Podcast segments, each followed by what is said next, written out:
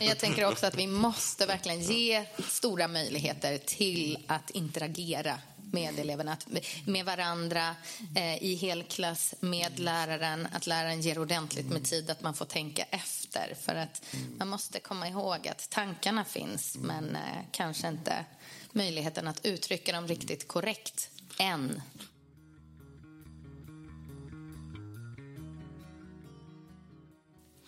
Nu kör vi! Välkomna till podden Pedagogisk kraft, 20 avsnittet, som idag kommer att handla om flerspråkiga elevers lärande. Det här är en podd om pedagogik från Järfälla som lyfter fram goda exempel från vår vardag. Jag är Raul Edebring, specialpedagog och du är? Ja, och jag är rektor. Och jag heter Johan, Johan. Nyström Hjärtvinge. Eh, och vi har med oss två stycken eh, här idag som eh, vi ska prata kring flerspråkighet. Och eh, vi har ju ganska många språk i vår kommun har vi förstått. Då. Och eh, välkomna till Avin och Louise. Närmare presentation. Avin, vem är du? Ja, Avin Zardashti heter jag och jag är SVA och SKUA-utvecklare i Järfälla kommun. Ja, tack. Och Louise, du är? Jag är Louise Wiklund och jobbar som lärare här Aha. i kommunen. Har yes. jobbat länge mm. tycker jag. Ja, hur många år då? Tolv. Ja, det är väl ganska länge. Allt relativt. Ja. Så, ja. Det är ett tag. Och nu är du på Kvarnskolan? Va? Nu är jag på Kvarnskolan, ja. Mm. På högstadiet? Ja, undervisar yes. i årskurs 7 till 9. Mm. I svenska och svenska som andraspråk. Så jag möter ju många elever mm. med flerspråkighet. Just det. Fler, ja, men så det här med flerspråkighet då, om vi börjar med det. Vad kan vi säga om vi skulle försöka definiera flerspråkighet då? Ja. Det är väldigt intressant att prata om flerspråkighet för många har olika eh, eh, tankar och perspektiv vad är flerspråkighet. Vissa tror om man kan eh, prata engelska till exempel, då är man flerspråkig. Fast så är det inte fallet. Eh, när man är flerspråkig det betyder att den personen har två eller tre levande språk mm. hemma i vardagen och äh, även på jobbet. Äh, så B-språket räknas inte som flerspråkig. Som, som man använder alltså? Som man använder, precis. Mm. Man måste använda ja. dagligen, kan mm. man säga. Mm. Men du har själv eh, jag är själv flerspråkig. Jag eh, kan prata flytande fyra språk eh, och så mm. förstår hyfsat bra två andra språk till också. Ja, men eh, svarar dina barn på ett annat språk och du, eller hur? Hur lirar det där med varandra? Ja, det är ju det att de svarar på olika språk, pratar olika språk med mig och även kodväxlar de hela tiden. Och det är ju typiskt hos flerspråkiga barn eller personer att de kodväxlar. Vad gör man då? Det betyder att man använder olika fraser eller uttryck från olika språk för att framföra eh, fullständig information. Och det betyder inte att det är eh, okompetent eller inkompetent hos eh, den personen. Det är medvetet användande av andra språk beroende på olika faktorer. Det kan vara situationen, det kan vara mottagare, det kan vara grupp grupp som man vill tillhöra. Eh, så det är ju medvetet användande. Men jag blir nyfiken. Något exempel? Så att jag Något exempel. Um, uh, det var ju för några veckor sedan väldigt intressant snutt på SVT. Eh, och det var ju då kungen eh, som fyllde 50 år på tronen mm. eh, och så programledare var ju ute och intervjuade olika personer vad de tyckte om ehm, eh, kungen. Och så var det en ung kille eh, som hade svenska som första språket eller modersmålspråket. Eh, mm. Och så eh, frågade de vad tycker du om kungen. Då mm. sa han jag tycker väl att han är nice. Ja, just det. Mm. Så det är ju det som är kodväxlingen och han är medveten. Mm. Det betyder inte att han inte kan svenska. Svenska är ju hans modersmålet. Men han använder nice engelska eh, språket bara för att visa, ja. Vad kan jag säga? Ja, att jag kan det här också. Mm. Men, men, men, kan man säga att man är flerspråkig om man har flera olika språk? Man Eh, kanske inte talar något språk jättebra. Nej, jag håller inte med faktiskt. Eh, det betyder att man har verkligen rikare språk snarare språk, ja. rikare språk, eh, rikare ordförråd. För man har resurser från olika språk. Man har jättestor kulturbakgrund. Det betyder inte att man inte kan ett språk ordentligt. Man har modersmålet som är flytande eh, och man har väldigt rik ordförråd. Och sen har man ytterligare en eller två språk som man har det Ja. helheten som man använder hemma och kanske i skolan innan man har flyttat. För, för det kan ju annars, eh, i alla fall vad jag upplevt, eh, vara ett problem att man inte, inte har något språk som är riktigt starkt. Och jag vet inte, vad tänker du, Louise? Har du stött på det? Ja, och det ni pratar om också, det här med att kulturen är nära.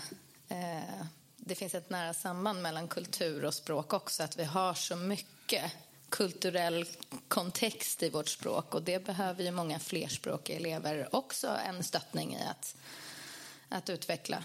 Men den, det kulturella har man ofta, men man kan ju ha ett mindre rikt språk och det är klart att det är, då är det svårt. Men man har nog sällan mindre tankar. Och det är väl där någonstans i eh, den pedagogiska verksamheten vi måste... Det är bara att förmågan att uttrycka kan bli svårare. Ja, Mm. Just det. Ha. där måste vi stötta på olika sätt. Men du, så här, du har ju läst ju, du har ju svenska då, så här, och eh, jag tänker om det kommer, om vi tar nyanländ som kommer som ny i skolan, vad, vad, har- den för utmaningar då när man kommer kanske, vi säger, kanske årskurs åtta? Den har ju stora utmaningar för den behöver ju både utveckla ämneskunskaper samtidigt som den erövrar ett nytt målspråk. Eh, Fördelen är att man har lärt sig att läsa och skriva på sitt modersmål i de allra flesta fall. Eh, Att det är lättare att man inte behöver erövra den kunskapen också. Just det. Då Men stora man få- utmaningar att komma så sent. Mm.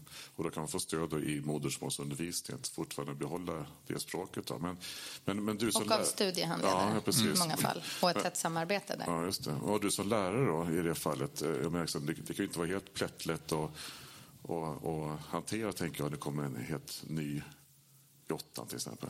Nej, och Hur gör du jag, då? jag tror att eh, kollegor i, eh, som undervisar yngre åldrar Mm. har mycket mer erfarenhet och det har varit naturligt att få, Mm. få in elever i, i eh, klass direkt som är helt nyanlända.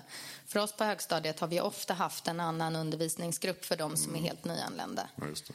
Eh, som läser enligt en anpassad timplan. Men jag tror att fler och fler också eh, får ta emot elever direkt i undervisningsgrupperna som är helt nyanlända. Just det. Jag tänker på Arvin, hur, hur länge räknas man som nyanländ? Fyra år, faktiskt. Så där. Mm. Det är ju fyra år. Enligt Skolverket så är det fyra år som de är nyanlända. Men det är ofta en ganska stor skillnad på någon som har kommit hit för säg tre månader sedan och tre år sedan. Absolut. Ja, absolut. det. Mm. Det är individuellt eh, hur fort de lär sig att komma in i samhället. Men, men du, Louise, hur, hur, tänkte jag fråga hur många språk du har liksom bland dina elever, men det är kanske är en korkad fråga. Men hur, hur gör du bland alla? Liksom, om hälften av jordens befolkning är flerspråkiga och vad sa du, Avin? Eh, ni pratade innan här att det var ganska många i Järfälla också som är flerspråkiga. Eh, mellan 40 till 45 Det, procent. det är gan, gan- ganska mycket. Liksom. Hur, hur, hur, hur gör man då? Liksom? Jag vet att jag gjorde en, eh, eller har gjort flera gånger, men vi inledde ett arbete som handlade om, om språk i en klass genom att inventera hur många språk talar vi här tillsammans. Och då tog vi inte bara språk där man är flytande utan som Avin sa, du sa att du förstår två språk till men kanske inte behärskar dem fullt ut.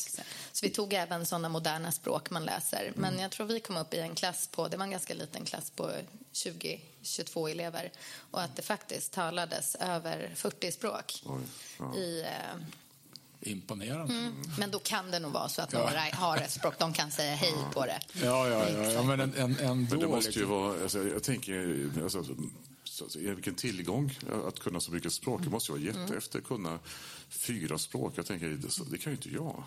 Eller du, Raul? Nej, nej, nej. Nej, nej, nej, nej. alltså- det var, ju- du och är ju uppväxta med Ja. stenspråkiga Ja, ställen som det- finns så. Östergötland och Värmland, liksom, eller på den tiden. Liksom. Ja, exakt. Ja. Det var så häftigt. Sen tycker jag att språk är jätteviktigt när vi ser att en person kan ett språk. Det handlar inte om bara kommunikationsmedel. Det handlar om allt, helheten. Det är kulturen, det är traditionen, det är ju eh, hela samhället, hur det fungerar, normerna i samhället. Så på så sätt, flerspråkiga barn och elever, de är rika, de har med sig så mm. mycket annat förutom bara språket. Men, men hur, hur, gör man då liksom för att uh, ungarna ska känna eller eleverna att det är en tillgång. Alltså jag tänker både på lektioner, jag tänker på raster, maten. Liksom. Hur, hur, hur, gör ni kring sånt där på Kvarnskolan? Som lärare behöver man ju lära känna eleven och se ja. vad är det för modersmål man har. Eh, så att man kan, och i, den bästa, i de bästa fallen så finns det ju fler elever som talar samma modersmål och då går det ju att använda det som en resurs lite lättare. Mm. Att man till exempel kan få översätta tillsammans och man kan få diskutera på modersmålet tillsammans men sen gemensamt formulera någonting på svenska mm. för att sammanfatta kanske. Mm. Så det finns ju många sätt att använda det som en resurs. Ni pratade om förut en enspråkigt samhälle och vi har haft lite den enspråksnormen i Sverige men försöker väl mer och mer. Och du får rätta mig om jag har fel, men forskning visar ju också att vi behöver använda mm. modersmålet som en resurs på ett mm. annat sätt. Och vi går ju dit i skolans värld mot att se det som en resurs och inte som ett, en brist mm. som man kanske har gjort förut. För. Ja, absolut. Och så måste det vara skönt för eleverna också att eh, att, att tydliggöra att det finns flera språk, språk och också att du ordnar sådana eh, undervisningsaktiviteter där de får jobba med sitt eh, hemspråk eller, mm. eller ett av språken. Mm. säger man hemspråk? Men, Modersmål. Modersmål säger man. Det nyaste ja, namnet. Tidigare gäller... för länge sedan hette hemspråk ja, men numera heter det modersmål. Ja. Och modersmålet är ju viktigt inte bara som språk. Det är viktigt för de här personerna för att vara eh, självsäkra och mm. känna till identiteten. Eh, och vem är jag? När jag är säker och jag vet vem jag är, det är väldigt lätt att bygga broar till nästa språk och nästa kultur och jag kan balansera mellan båda mm. två. Mm. Just det. Mm. Och den typen av transspråkande eller kodväxlande som du nämnde, mm. det ser vi ju mycket i klassrummen också, att man har tankar men har svårare att uttrycka det och då kan det, man transspråka mellan modersmål och målspråket svenska. Mm. Precis, man kan säga att de har kunskapen mm. men de har inte riktigt språket utvecklat på det sättet att de kan uttrycka sig. Men, men du, du, du pratar mest svenska eller något annat språk? Jag pratar definitivt mest svenska. Ja. Mm. För, nu, jag, jag, jag det blir svårt för mig att förstå. Ja, jag, men... jag menar det. Mm. Om jag tänker i mig själv eh, som kommer från den här ens, eh, enspråkiga miljön, jag, jag skulle bli jätteorolig. Mm. När jag själv inte förstår. Liksom. Nej, men I många fall så finns det en större grupp elever som talar kanske samma språk och de kan hjälpa varandra ja. då och komma vidare i uttalet av tankarna. Mm.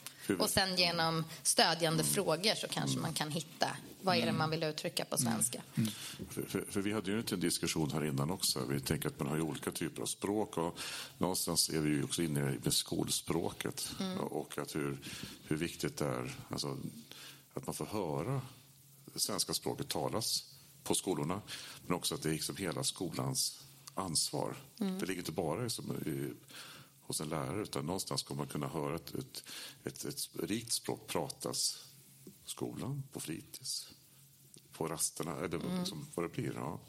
Hur får man till en sån där grej? Det är ju vardagsspråket som vi pratar om som är jätteviktigt för eh, eleverna. Eftersom om vi tänker eh, de barnen som har svenska som första språket mm. eller modersmålet och de börjar förskoleklassen så har de 13 000 ord i ordförrådet när mm. de börjar.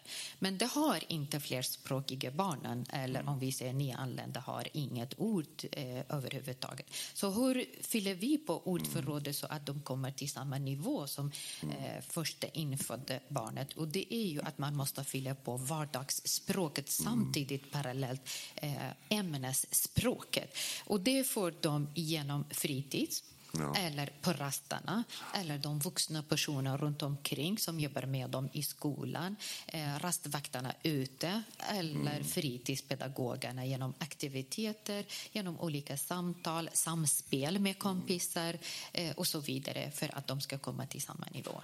Så det gäller att alla är medvetna om att, att man måste jobba språkutvecklande helt enkelt. Verkligen. Ja. Men, men, kan man komma ikapp då? Alltså, eh, om man är nyanländ och då liksom ligger så pass mycket efter, kan man säga. Kan man komma ikapp? Jättebra fråga, ja. för man kan inte svara raka arm, mm. ja eller nej. För det mm. handlar om formativ bedömning för var och en elev och veta var mm. de befinner sig och att de ska få stöd hela vägen och att man ska kontinuerligt hålla koll på deras språkutveckling mm. samtidigt kunskapsutvecklingen och stötta dem så att de kommer dit. Många, många barn och elever når målen om de får rätt stöd i skolan mm. och rätt undervisning och av rätta behöriga lärare förstås. Mm. Sen är det ju en stor skillnad på vad man har för skolbakgrund med sig också. Ja. Eh, det är lättare att översätta kanske kunskap som man redan har eller har börjat mm. utveckla i sitt, eh, på sitt modersmål än att både lära sig nya saker, mm. helt nya saker och lära sig ett nytt språk. Sen motivationen är ju jätteviktig mm. också hos eleverna. Det handlar inte om vad som skolan och läraren gör. Mm. Samtidigt motivationen. Men vi mm. som vuxna, alla lärare och jobbar i skolan har vi stor ansvar eller stor roll i deras eh, motivation, att höja motivationen, uppmuntra dem hela vägen. Sen första bemötande när de kommer, att vi omfamnar dem. Ja, ni är välkomna, ni är resurser och det här kommer att gå bra. Vi är här för att stötta er. Inte tänka, nej men oj, det här är stort ansvar, hur ska vi klara av det? Det är snarare tvärtom. Ah, vad roligt, kom in, vi kommer att stötta er. Så det, de kommer att faktiskt komma in, eh, eller komma ikapp mm. som vi brukar säga. Men, men, är ju ändå, men utmaningen ligger ju att, för man brukar ändå prata om eh, att elever lyckas det är utan föräldrars bakgrund också, akademisk nivå, du vet allt där. Men, men, eh, och så har vi då nyanlända som kommer som, som kanske har akademiska föräldrar, som har, så här. men sen kan det komma nyanlända utan föräldrar som är analfabeter. Och ändå, Och så, så, nivån är olika där. Det, det, är ju häftigt att vi ändå lyckas, tänker jag. För, för, för, för det gör vi ju. Eller? Ja. ja. Mm. ja. Mm. Absolut. Ja. Rätt planering, mm. rätt stöd, tänker jag, Louise, eller hur? Mm. Vi lyckas med det, rätt förutsättning eh, och individualisering, tänker jag. Mm. Eller differentiering. Differentieringsundervisning, mm. såklart. Precis. Mm. Men du pratade, eller vi pratade om det här med vardagsspråk och där mm. tror jag många det, där är det en stor skillnad i hur snabbt man kommer in i vardagsspråket. Hur snabbt du kan bli kommunikativ med kamrater på rasterna. Hur snabbt du kan prata eh, med lärare mm. muntligt. För ofta sker den muntliga utvecklingen snabbare än den skriftliga till exempel. Eh, och ämneskunskapen lägger många lärare oavsett ämne väldigt mycket tid på att identifiera olika ämnesord som är besvärliga även för elever med svenska som modersmål. Så där läggs väldigt mycket energi mm. på att eh, befästa de orden. Men orden däremellan, där har vi en utmaning i skolan att faktiskt identifiera vilka ord är det som ställer till det som, har, mm. som är däremellan. Mm. De har, har kallats för nivå två eller ja. det som idag ofta kallas för skolspråket. Sådana ord som inte är, är förbundna till ett specifikt ämne utan förekommer i alla olika ämnen. En situation. Mm men, varannan. Ja, mm. men hur gör man då? Alltså, hur gör du för att någonstans liksom, få en bekräftelse att de faktiskt förstår de här, det här ja, det är ju, mellanspråket? Ja, det är ju ja. jättesvårt. Men lite kommer väl med eh, med erfarenhet, om man har jobbat med flerspråkiga elever under en längre tid så är det lättare kanske att identifiera vilken typ av ord är det som, som mm. ställer till det. Och de har ofta en ganska stor betydelse också för för eh, betydelsen i meningen eller i texten mm. eller i det som sägs. Mm. Men det är ju såna ord som oftast är automatiserade för modersmålstalare men som inte alls är det. Mm. Och som inte används i vardagsspråket och som inte mm. förklaras kanske av ämnesläraren. Och så de som kommer från andra länder, det kanske ja. finns inte alla situationer, precis som du säger Louise, mm. att man sitter och pratar om som är jätteviktigt med de orden eller begreppen i skolan. Mm. Fast själva situationen är viktigare och orden runt omkring det som är viktigare. Mm. Och såklart är ju olika språk har olika grammatik, olika ordföljd, eh, olika uttal, melodin som påverkar inlärningen av ett nytt språk. Jag tycker också att vissa har ju ett annat alfabet. Ja. Det måste ju också vara en sån mm. faktor som ja. påverkar. Inte ens att det är latinska alfabetet Nej. eller när man skriver att det är inte är från mm. vänster till höger. Mm. Jag själv har inte det. Jag skrev, eller vi skrev på modersmålet från höger till vänster. Ja. Eh, men eftersom jag har läst engelska i skolan så det var inte så svårt för mig. Mm. Ja. Nej. Vi måste ha haft det väldigt enkelt i skolan. Ja, Egentligen så här, vi behöver inte hålla på och tänka håll man ska skriva på. Ja. Från, eller, ja. Men, men hur, hur, eh, jag, kommer, jag vet inte om jag, jag kommer tillbaka till det. Liksom. Jag tänker på fritids, eh, maten, förskolan. Eh, hur, för, hur, hur tycker ni man ska förhålla sig som pedagog eller mattant, tänkte jag säga, eller matperson kanske man ska säga. och, och förskollärare i, i, i leken. Liksom, Eller... Alla situationer i skolan ska ge rikliga möjligheter till att interagera och till att kommunicera. Så den som sker utanför undervisningssammanhangen är minst lika viktig mm. för den kommunikativa mm. Eh, förmågan att kunna kommunicera på svenska. Men eh, det, det, vi ser flerspråkighet är alltså en styrka eh, och så är det hos, hos de elever samtidigt som är det en utmaning, eh, förstår vi ju, att, att kunna jobba, jobba med också. Men, men, men är vi alla medvetna om vad som händer och att vi alla gemensamt har ansvar så lyckas vi bättre. Mm. Är det så? Men det, ja. Jag tycker svenska som mm. andraspråkämne är, som ämne är ju ett väldigt intressant ämne mm. eftersom det har som mål inte bara att utveckla elevernas kommunikativa förmåga mm. som andra språkämnen har. Eh, spanska och engelska det är ett kommunikativt ämne. Ja. Det är det eleverna förväntas lära och utveckla sig. Medan svenska som andraspråk är ett ämne där man förväntas lära och tänka på det språket. Och det mm. ställer ju andra krav på både undervisningen, stöttningen. Även att reflektera, mm. diskutera mm. Mm. i olika sammanhang till och med. Mm. Men, men, om man som förälder får eh, att höra att ens barn ska läsa svenska som andraspråk istället för svenska. Får man ett sämre språk att läsa då? Alltså blir, är det mindre värt? Nej, absolut inte. Det är ju samma värde. Mm. Det är ju samma innehåll kan man säga, fast arbetssättet är ju eh, djupare kan man säga. Man ska jobba mer stöttande med eleverna. Det är ju samma betyg, lika värde. Mm. Mm. Det har blivit lite större skillnad lite större mellan skillnad. Eh, Precis.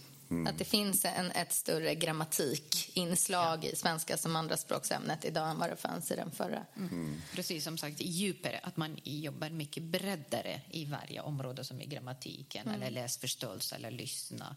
Mm. Precis. Mm. Men om man är, är, blir liksom bedömd att läsa svenska som andraspråk på lågstadiet och kanske fyran, är det här som ett livstids bedömning eller, eller, eller kan man börja läsa svenska sen plötsligt? Det är ett mm. behovsprövat ämne mm. som ska mm. testas. Finns det ett mm. fortsatt behov av att läsa svenska som andraspråk? Mm.